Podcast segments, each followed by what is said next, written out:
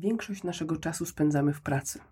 Co za tym idzie, potrzebujemy poczucia sensu w tym, co robimy, motywacji, ale też poczucia sprawczości. Dodatkowo złożone, zmienne, niepewne i bardzo niestabilne czasy wymagają od firm oddawania ludziom coraz większej odpowiedzialności, autonomii, ale też decyzyjności, bo w obecnych czasach trafność i jakość decyzji oraz szybkość ich podejmowania może stanowić o konkurencyjności organizacji, a to oznacza, że potrzebujemy w firmach możliwie płaskich struktur i efektywnych zespołów specjalistów, którzy będą w stanie właśnie takie decyzje podejmować.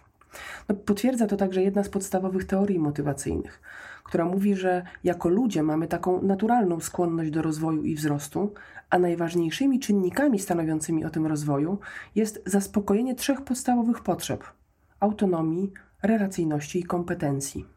Jak więc stworzyć takie miejsce pracy, w którym ludzie będą lubili i będą chcieli pracować? Jak stworzyć miejsce, do którego będą przychodzili z radością i energią, gdzie będą w pełni korzystali ze swoich talentów i potencjału?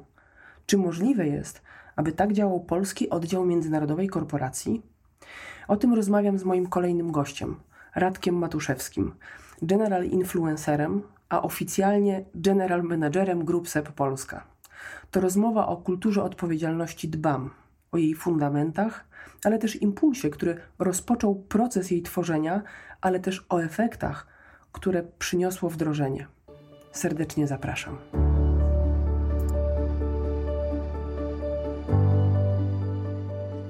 Dzień dobry.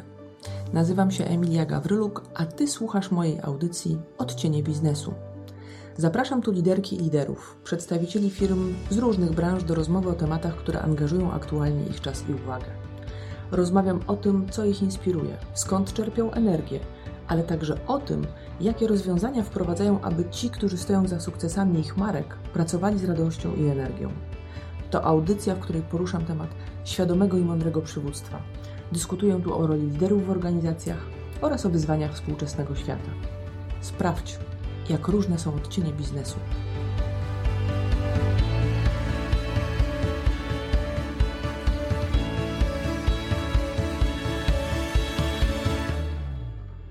Dzień dobry.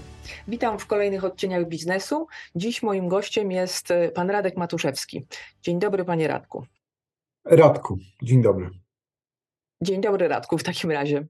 Ja w zasadzie zastanawiając się, jak powinnam Cię przedstawić, bo z jednej strony oficjalnie jesteś general managerem Group SEP Polska, z mhm. drugiej strony słyszałam i bądź czytałam w którymś wywiadzie, że niespecjalnie lubisz te nazewnictwo i mówisz, że jesteś general influencerem. Tak, tak. Nie lubię tego, bo to wydaje mi się, to już jest nieadekwatne do dzisiejszych czasów generalnie, a na pewno nieadekwatne do tego, co co się dzieje u nas w firmie i tak jak trochę żartobliwie, ale jak ktoś już chce używać generalny, to niech używa słowa influencer, bo chyba jest też taka moja rola dzisiaj w firmie, bardziej wpływać na, na to, co robią inni, inni, inne osoby w naszej firmie, być dla nich wujkiem dobra rada lub telefonem do przyjaciela, lub po prostu o, osobą, która powie, jakie ma zdanie na jakiś, na jakiś temat. Także ta chyba rola to jest taki influencer, E, doradca. Oczywiście mam jakieś tam swoje obszary, za które mhm. odpowiadam, no i tam jestem zdecydowanym autokratą, tak jak to w innych działach naszej firmy, zespołach naszej firmy bywa. Mhm.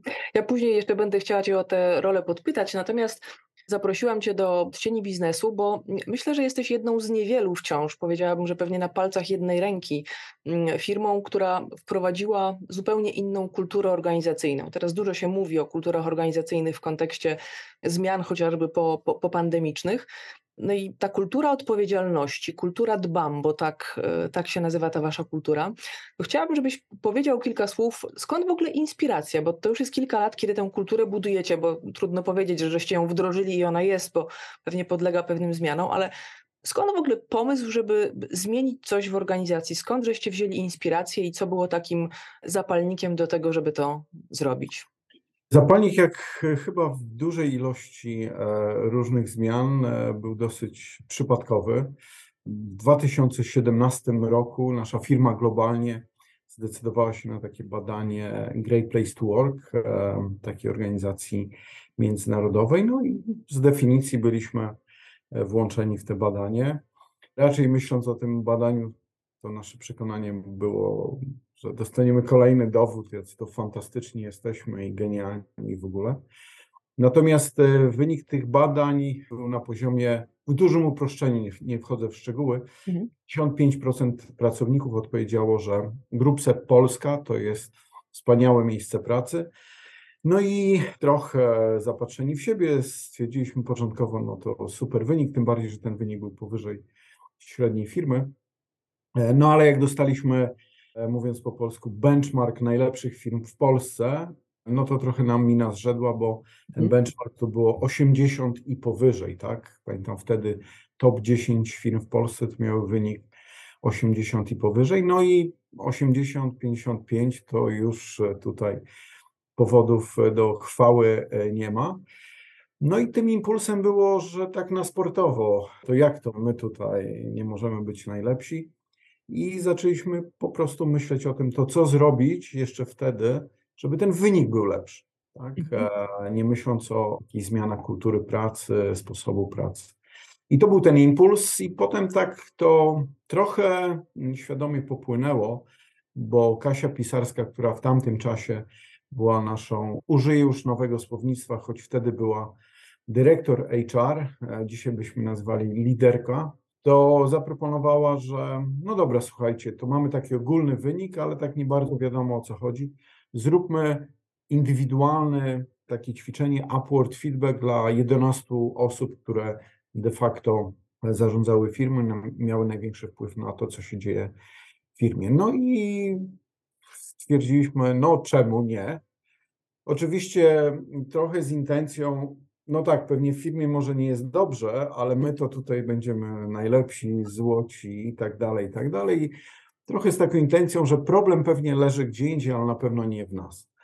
No i feedback, jaki dostaliśmy, mówię ogólnie, bo to był indywidualny, ale powiedzmy nasza grupa, to ja go opisuję jako jesteście dobrzy zawodowo, jesteście dobrymi profesjonalistami, ale pracuje się z wami, normalnie bym powiedział do dupy, ale powiem, że źle się z wami współpracuje. No i to był taki pierwszy chyba duży strzał, duży gong dla nas wszystkich, że ok, wyniki są bardzo dobre, jeżeli mówimy o wynikach finansowych, wszystko idzie dobrze, ale po raz pierwszy ktoś nam powiedział, że wyniki wynikami, nasza wiedza zawodowa super, ale współpraca generalnie no jest bardzo, bardzo trudna. Oczywiście też mówię o sobie, bo mi się tam też e, bardzo dużo rzeczy dostało, bo z dzisiejszej perspektywy to ja byłem takim małym albo może wielkim e, dyktatorem, wszystko wiedzącym, mikromanagerem, najmądrzejszym i najbardziej jedynie i tylko wiedzącym. Także to było dosyć takie, takie bolesne, nawet rzekłbym traumatyczne. Trochę trzeba było czasu, żeby się pozbierać. No, ale finalnie doszliśmy do wniosku, że okej, okay, to trzeba coś zmienić, bo też czuliśmy, że jest dobry moment. Dobry moment w kontekście takim, że to trudno, oczywiście dzisiaj ja to trochę racjonalizuję, ale mhm pewien model pracy wydawało się, że już jest na wyczerpaniu, tak? To, to życie, życie biznesowe stawało się coraz bardziej skomplikowane i to było coraz trudniej do ogarnięcia poprzez taki, nazwę to, tradycyjny model pracy. I gdzieś czuliśmy, że to już tak tego wyciskamy ostatnie soki z siebie. Też drugi element, że były dobre wyniki, w związku z tym ta, że tak powiem, odwaga, żeby coś pokombinować, podjęcie jakiegoś ryzyka nie było czymś trudnym, no bo właśnie było, było dobrze, czyli teoretycznie zmiana, jakiś błąd nie kosztowałby nas dużo, jeżeli coś by było na krawędzi. Także to były, ja bym powiedział, to badanie i następnie to badanie upward feedbacku od pracowników, co oni myślą o nas, to był ten kamień węgielny i pamiętam, to był wrzesień 2017, a potem to był listopad 2017, gdzie te badanie zrobiliśmy i tak potem to się potoczyło. Mhm. A powiedz mi, czy żeście korzystali, bo powiedziałeś tak, wręcz poczułam to, e, że że, że to było trudne doświadczenie, że menedżer, który dostaje informację zwrotną, no wszystko fajnie, pracuję w fajnej firmie, ale z, z tym managementem to się pracuje słabo. Czy żeście wspierali się zewnętrznymi siłami, które weszły i gdzieś pomagały wam te rozwiązania wewnątrz organizacji zbudować? Z dzisiejszej perspektywy powiem, że chyba zrobiliśmy głupotę, no bo absolutnie nie. Sami to zrobiliśmy, sami do tego dojrzeliśmy i właśnie niedawno e, jedna osoba, jak się dowiedziała, że my z kimś nie pracowaliśmy, to nie była w stanie uwierzyć, bo była pewna, że mamy zatrudnione jakieś firmy zewnętrzne, czy mentorów, mentorki, coachów, którzy nam pomagali. Ja bym powiedział, że tak jest trochę z nieświadomości, jakby nawet o tym nie myśleliśmy. Pewnie dzisiaj, gdybym to robił, czy gdybyśmy to robili, pewnie byśmy o takie wsparcie poprosili, bo chyba by to było szybciej zrobione. Mhm. A ile trwał ten taki cały okres tych przemian? Bo rozumiem, że to nie ma takiego momentu, w którym można powiedzieć, dobra, pracujemy na nowo, wszystko gra, tylko jednak cały czas tak duża organizacja jednak podlega pewnym zmianom. No gdzieś pewnie cały czas sprawdzacie i tuningujecie sobie różne, różne działania, ale ten taki okres wdrażania, w ogóle wymyślania trochę tej kultury, bo rozumiem, że tak się to działo na, na nowo. Mamy taki kamień węgielny. Kamień węgielny to było takie spotkanie firmowe, które odbywało się w 2018 roku w Olsztynie, gdzie po raz pierwszy, ale nie jeszcze w kontekście kultury organizacyjnej, tylko to było w kontekście jak pracować w naszych sklepach, bo nasza firma też ma, ma własne sklepy online'owe, offline'owe.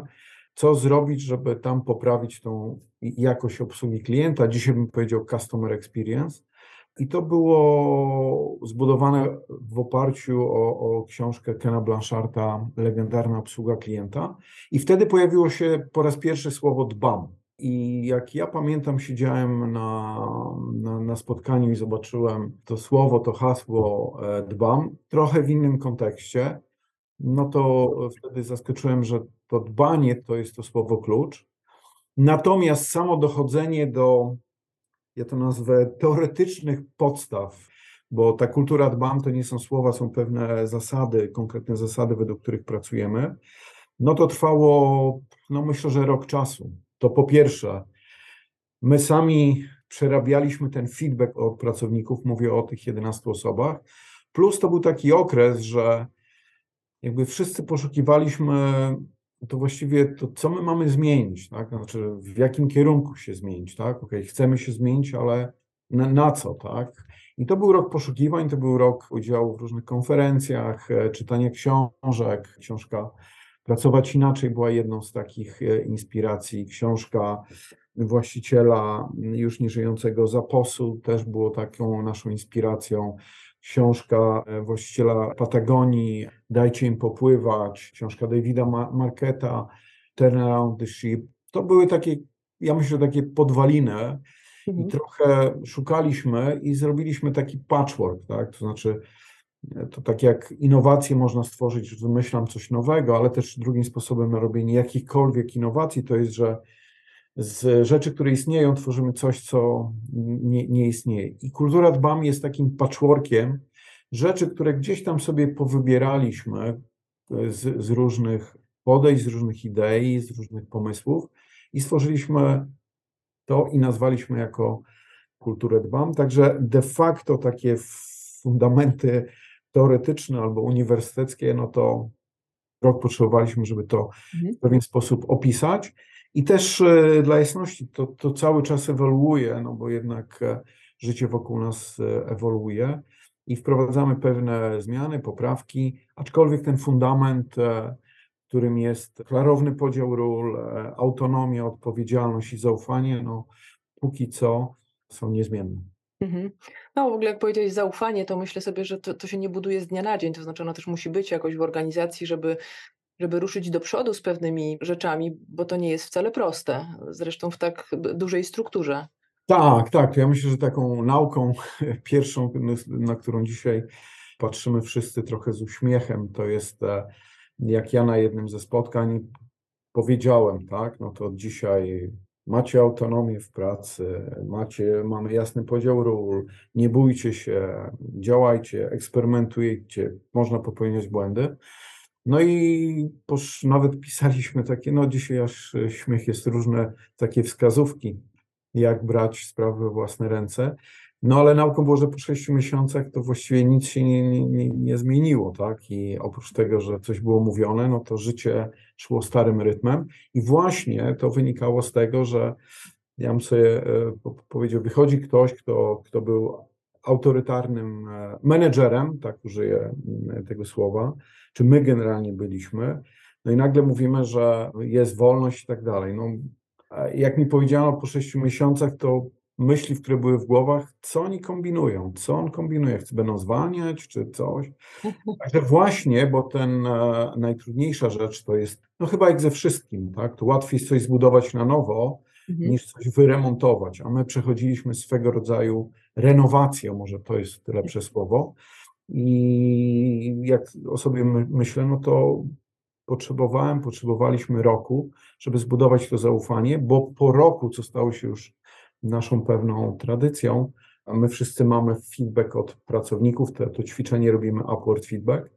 No i myślę, że e, to był właśnie rok czasu takiego na odbudowanie albo zbudowanie zaufania, bo dopiero, dopiero po roku feedbacku dostaliśmy mm, taką informację, jest super, może nie jest tak, jak miałby być, ale widzimy, że się zmieniacie. I to była mowa do tych 11 osób i myślę, że ten pierwszy rok to było właśnie poszukiwanie, kim chcemy być i też zmiana nie w firmy, tylko zmiana nas samych po to, żeby jak już e, tak się będę trzymał kalendarza, od 2019 rzeczywiście ludzie uwierzyli i to zaczęło rzeczywiście funkcjonować e, i rozwijać się do dnia dzisiejszego.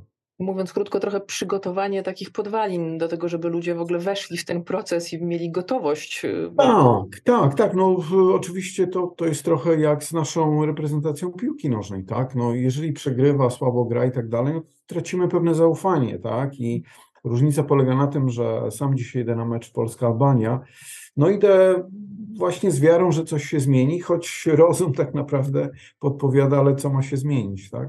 I myślę, że kluczowe to jest, że odbudowanie tego zaufania i pokazanie siebie z innej strony, co było dla nas wszystkich, dla mnie trudne, no bo nagle z powiedzmy mikromenedżera, autokraty, nagle trzeba się zmienić, tak? Jeszcze dobrze się w, w tym czuć. Mhm.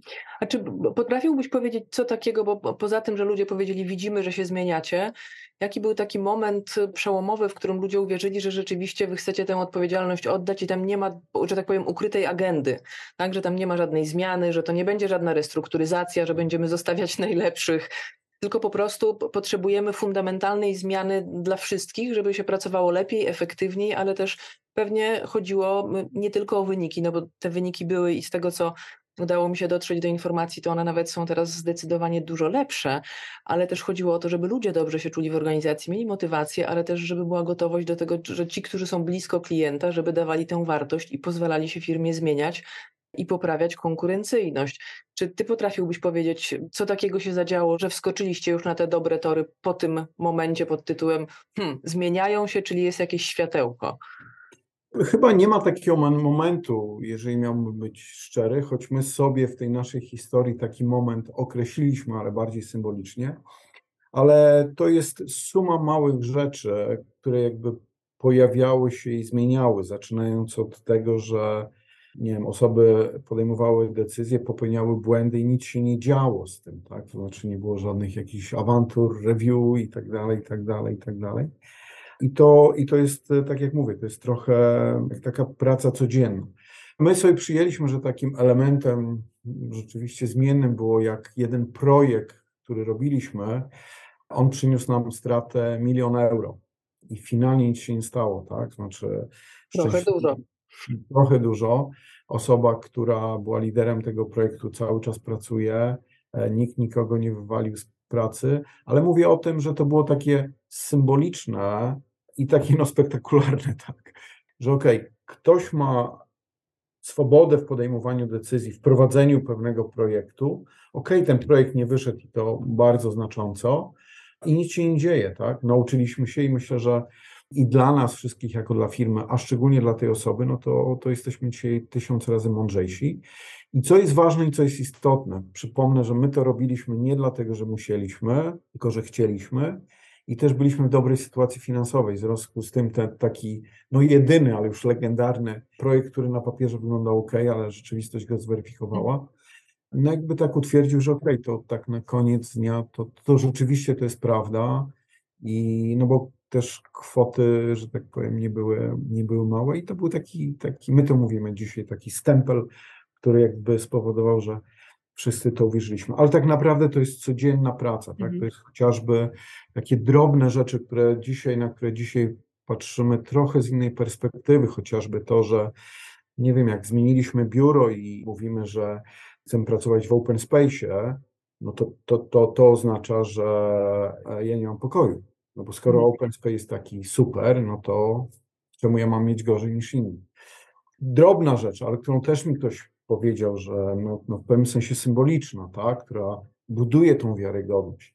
Czy jak mówimy, znowu bardzo drobna rzecz, ale dla mnie nauką jest to, że czasami takie drobne gesty po jakimś czasie okazują, że są gigantyczne. Przykład, jeżeli mówimy, że nie ma hierarchii, jakby każdy odpowiada, jest liderem projektów, trochę działamy w innym układzie, no to to oznacza, że nie wiem, ja i osoby wtedy z management teamu, dzisiaj to już nazywamy leadership team, nie mają miejsc parkingowych i tak jak wszyscy y, pracownicy muszą sobie rezerwować miejsca parkingowe.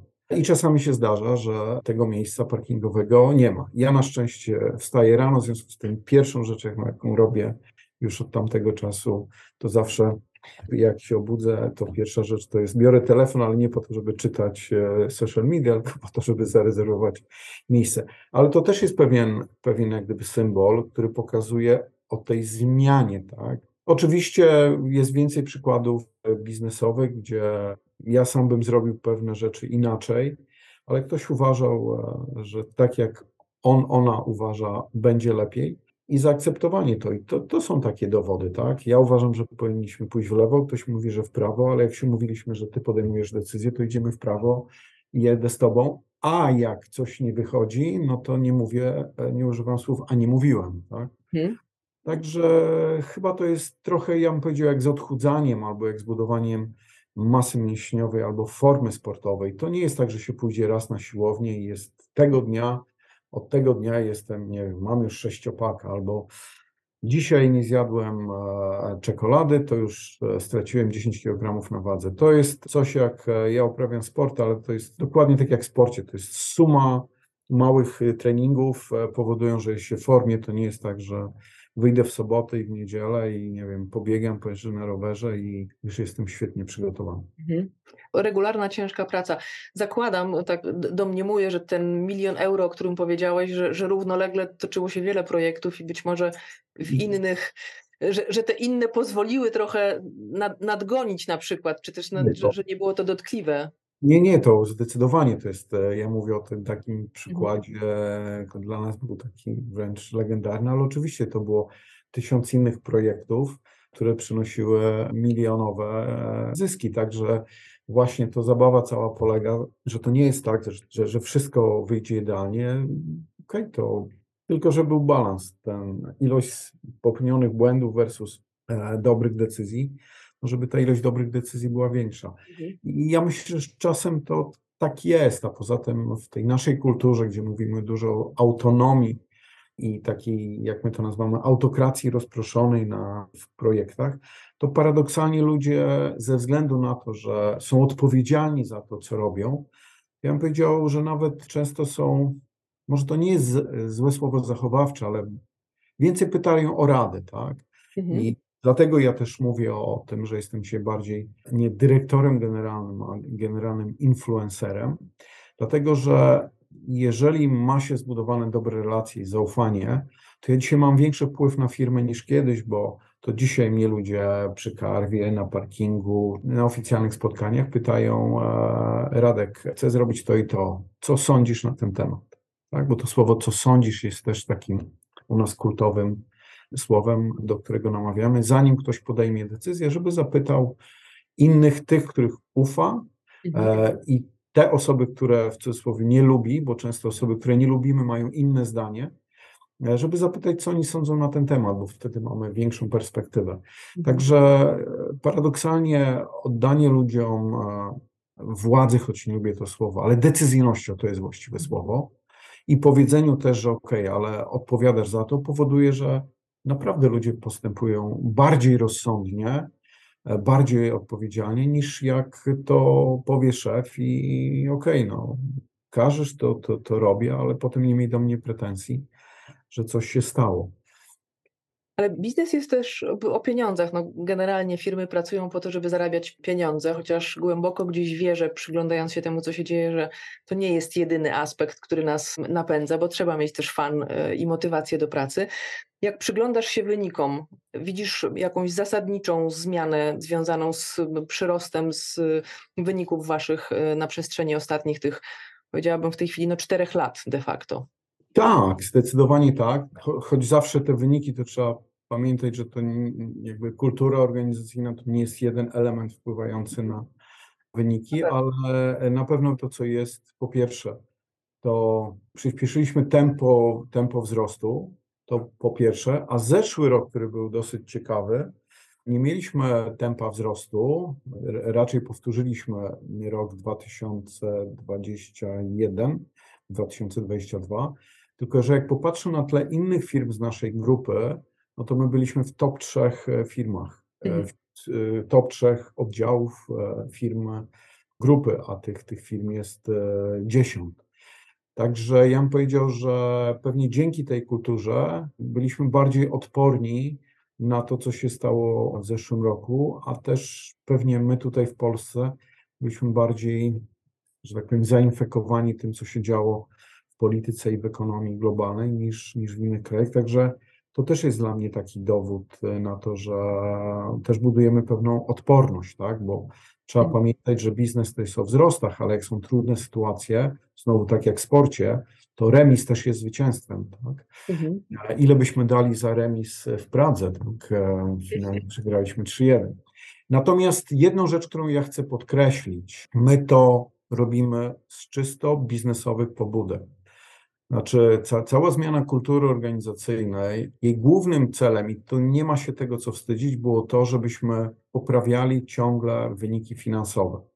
Tylko to, do czego doszliśmy, do wniosku, że naszym fokusem nie będą właśnie te wyniki finansowe, tylko jak często o tym mówię, to aż sam uważam, że to jest tak naiwne, że aż głupie, ale my tak działamy, że Naszym głównym parametrem biznesowym dzisiaj to jest wskaźnik Great Place to Work. I to jest nasz numer jeden. To jest wskaźnik, który każdy ma w swoich, nazwijmy to celach, choć u nas to, te cele to, to nie są do końca takie cele. Bo my wierzymy, że jeżeli stworzymy Great Place to Work, to mówiąc bardzo tak trywialnie, stworzymy to, że ludzie będą szczęśliwi w pracy, to wierzymy w to, że tylko szczęśliwe osoby są w stanie zrobić ponadprzeciętne rzeczy. Tak? I to jest ten klub, bo tak działamy poza, poza firmą, poza biznesem. Nie wiem, przykład z wczoraj. No, chłopak od nas przebiegł półmaraton w świetnym czasie, godzina 45, jeszcze ubrany za jednorożca. No i trochę żartując, e, on za to nic nie dostał, oprócz tego, że musiał zapłacić za udział e, w tym półmaratonie. Mhm. Tylko facet kocha bieganie, jeszcze biegając zarobił bodajże 2000 zł, bo jego znajomi wpłacali na, na fundację, na którą chciał zbierać. Tylko chodzi mi o to, że robimy rzeczy ponadprzeciętne, jeżeli coś lubimy, jeżeli się dobrze czujemy. I to my chcemy i cały czas e, próbujemy wdrażać na poziomie firmy. To znaczy, jeżeli ktoś przychodząc do pracy będzie czuł się, użyję trywialnie znowu, fajnie, będzie szczęśliwy, będzie lubił to, co robi, no to osiągnie dużo e, lepsze wyniki niż e, ktoś, kto robi to, czego nie lubi, nie realizuje własnych pomysłów, to, on, to będzie zawsze to przeciętne, tak? Albo nawet w tym złym tego słowa znaczeniu podprzeciętne. Mhm.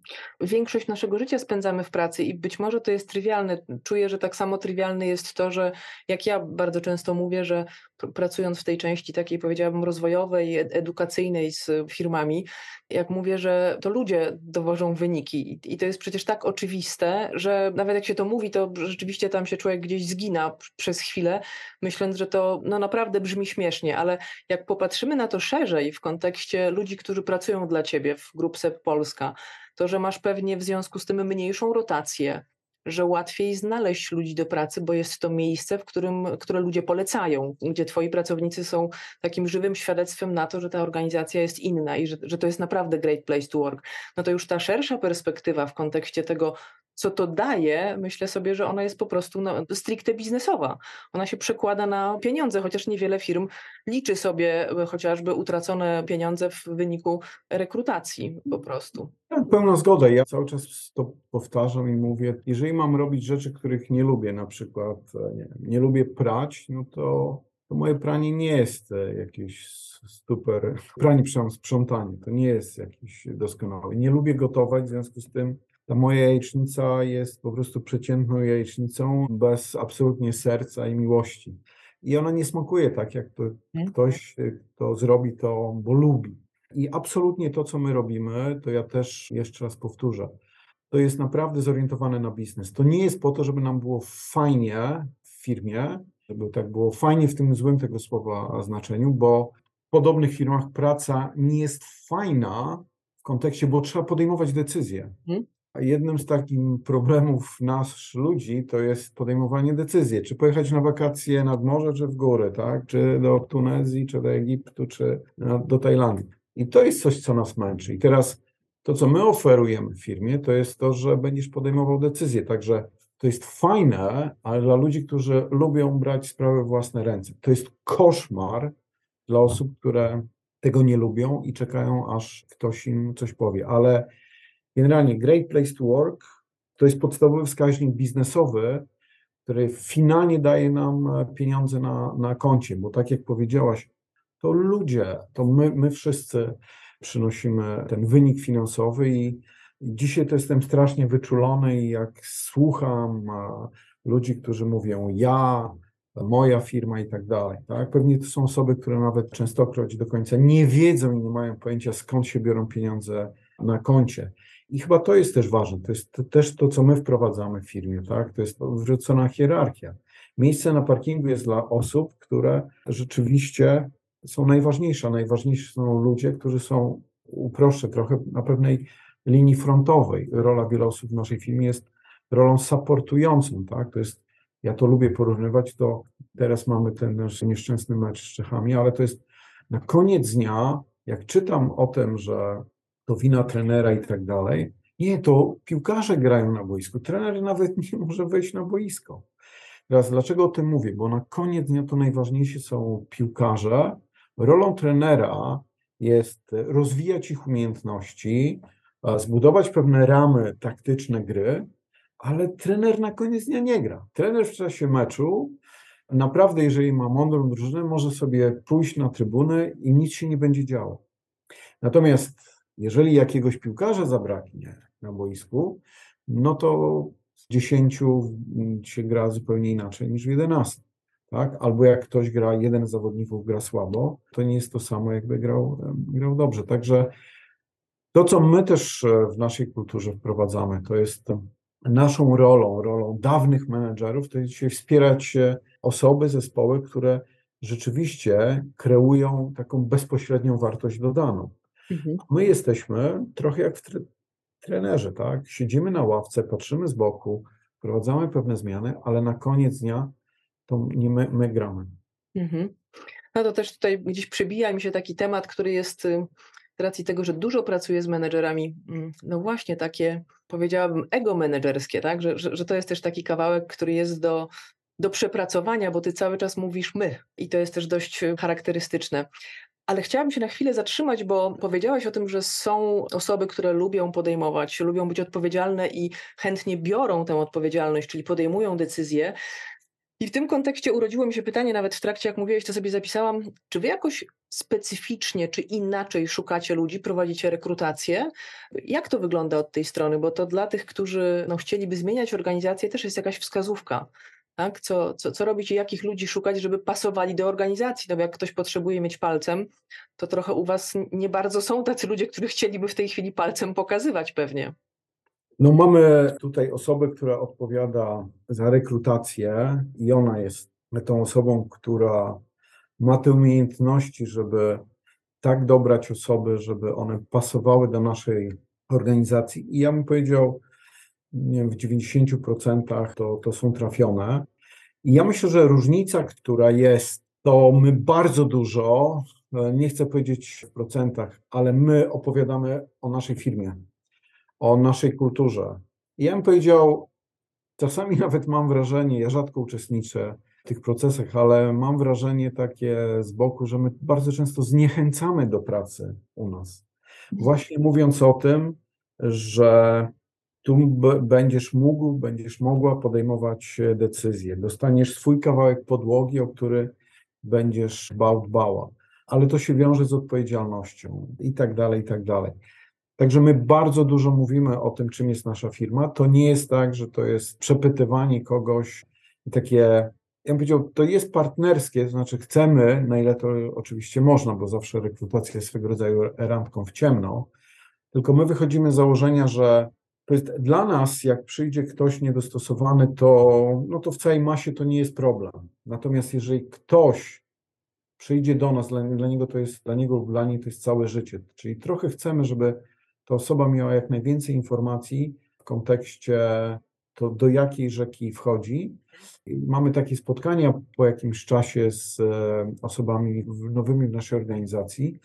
No to na pewno jedną z kilku rzeczy, które słyszę, to jest to, że no to, co mówiliście na tych spotkaniach, rzeczywiście to jest, to jest prawda, tak?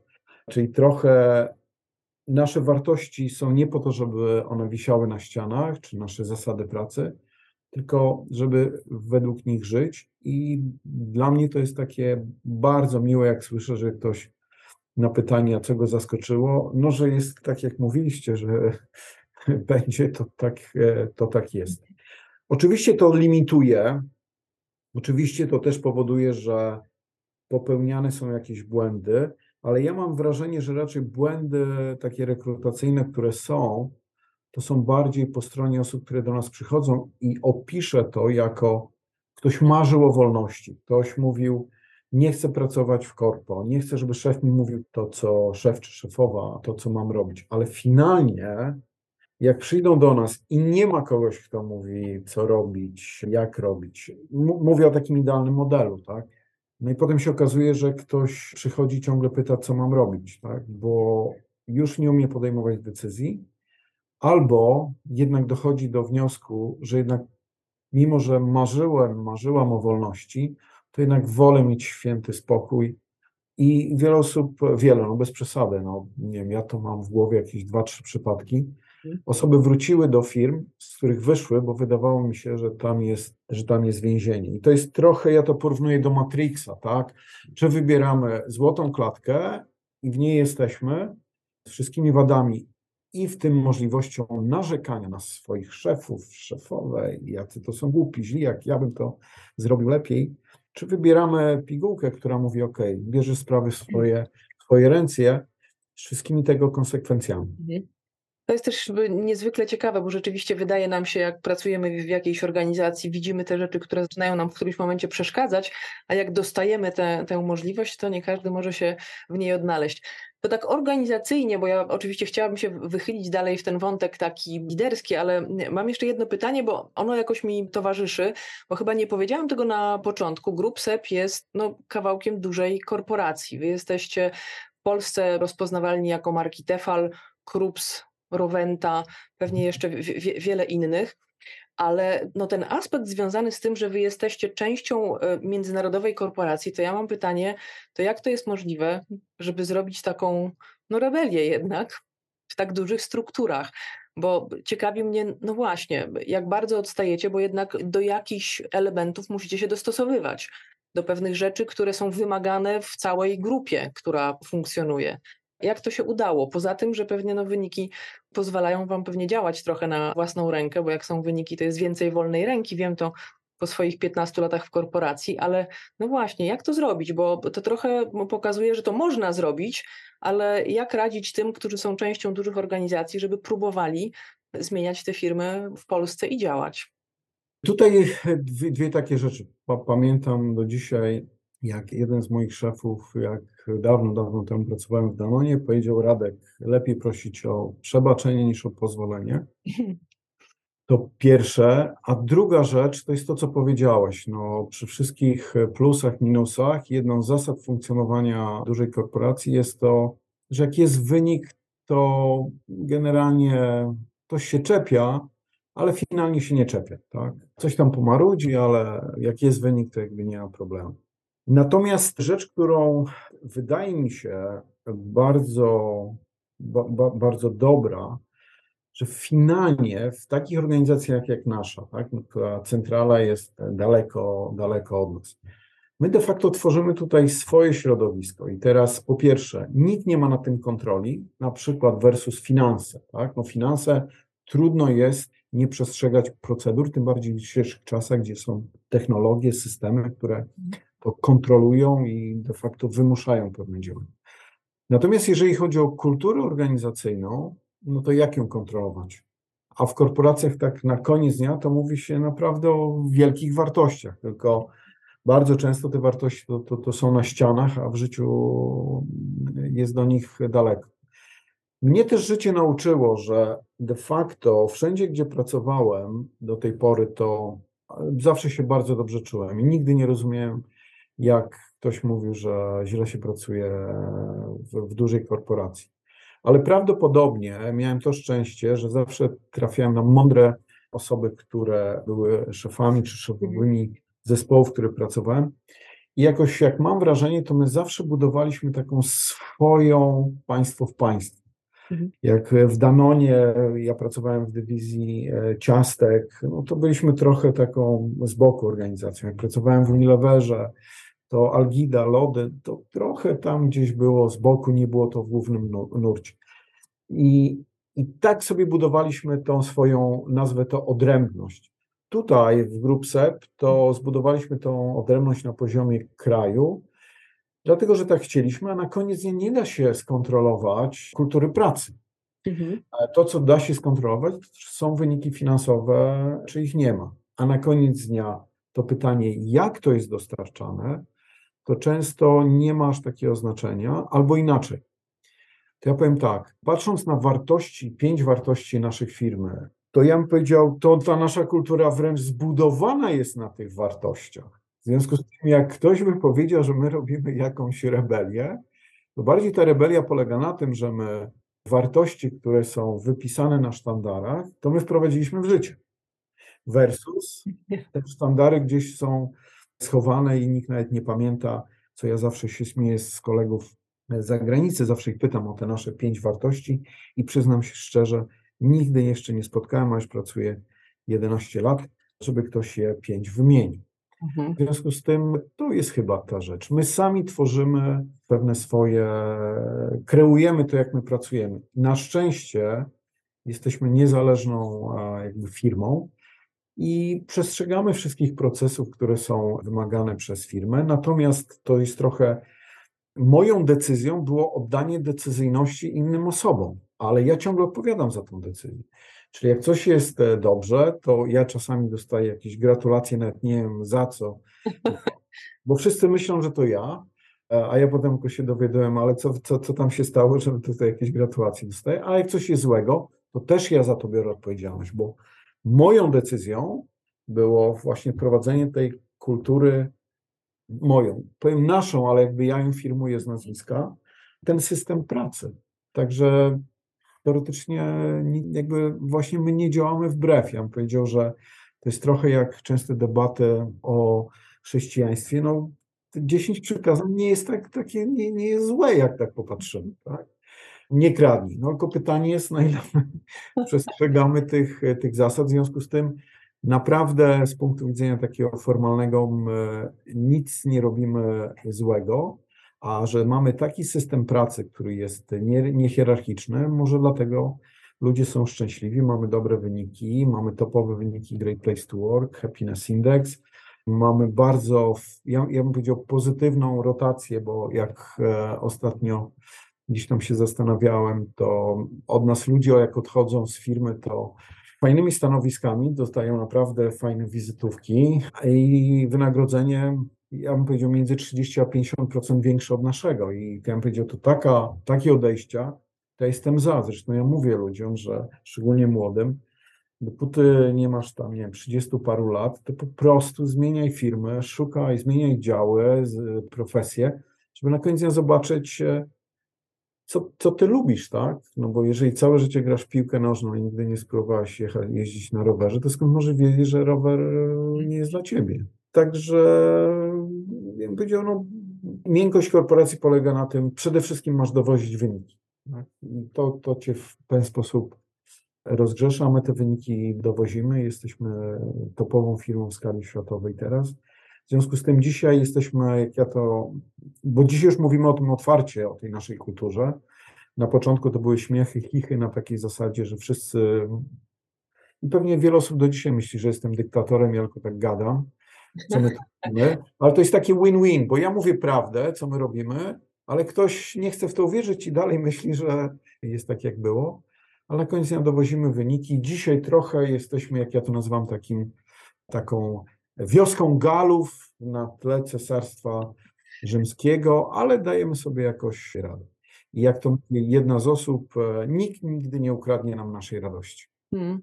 I daj Boże, żeby tak było. Zresztą bardzo mi się spodobało, jak powiedziałeś, że nie robimy nic złego, wręcz my po prostu żeśmy wdrożyli te wartości korporacyjne w życie to myślę sobie, że chciałabym, żeby jakoś tak wybrzmiało. Znam bardzo wiele korporacji, gdzie ta misja, wizja i wartości rzeczywiście są czymś, co gdzieś jest w jakiejś książce, w jakimś regulaminie, w, jakiejś, w jakimś segregatorze. Na wdrożeniu, o ile ono jest, pracownicy dostają taką informację, natomiast to jest tyle. A jak można być w organizacji, która mówi, my mamy to coś i się tym kierujemy i to naprawdę żyje, to jest nasze, wierzymy w to i jest częścią, jakby żyje z, z nami w organizacji, to myślę sobie, że nie ma nic lepszego, takie walk the talk. A jeszcze do, do tego szef, który mówi dokładnie tak jest, jak nie wierzysz, to przyjdź i nie, sprawdź.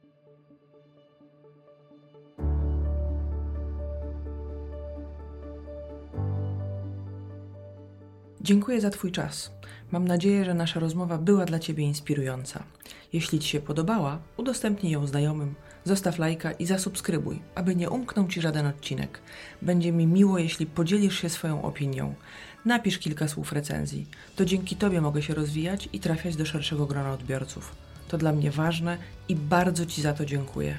Na drugą część rozmowy z Radkiem Matuszewskim zapraszam Cię już 18 kwietnia.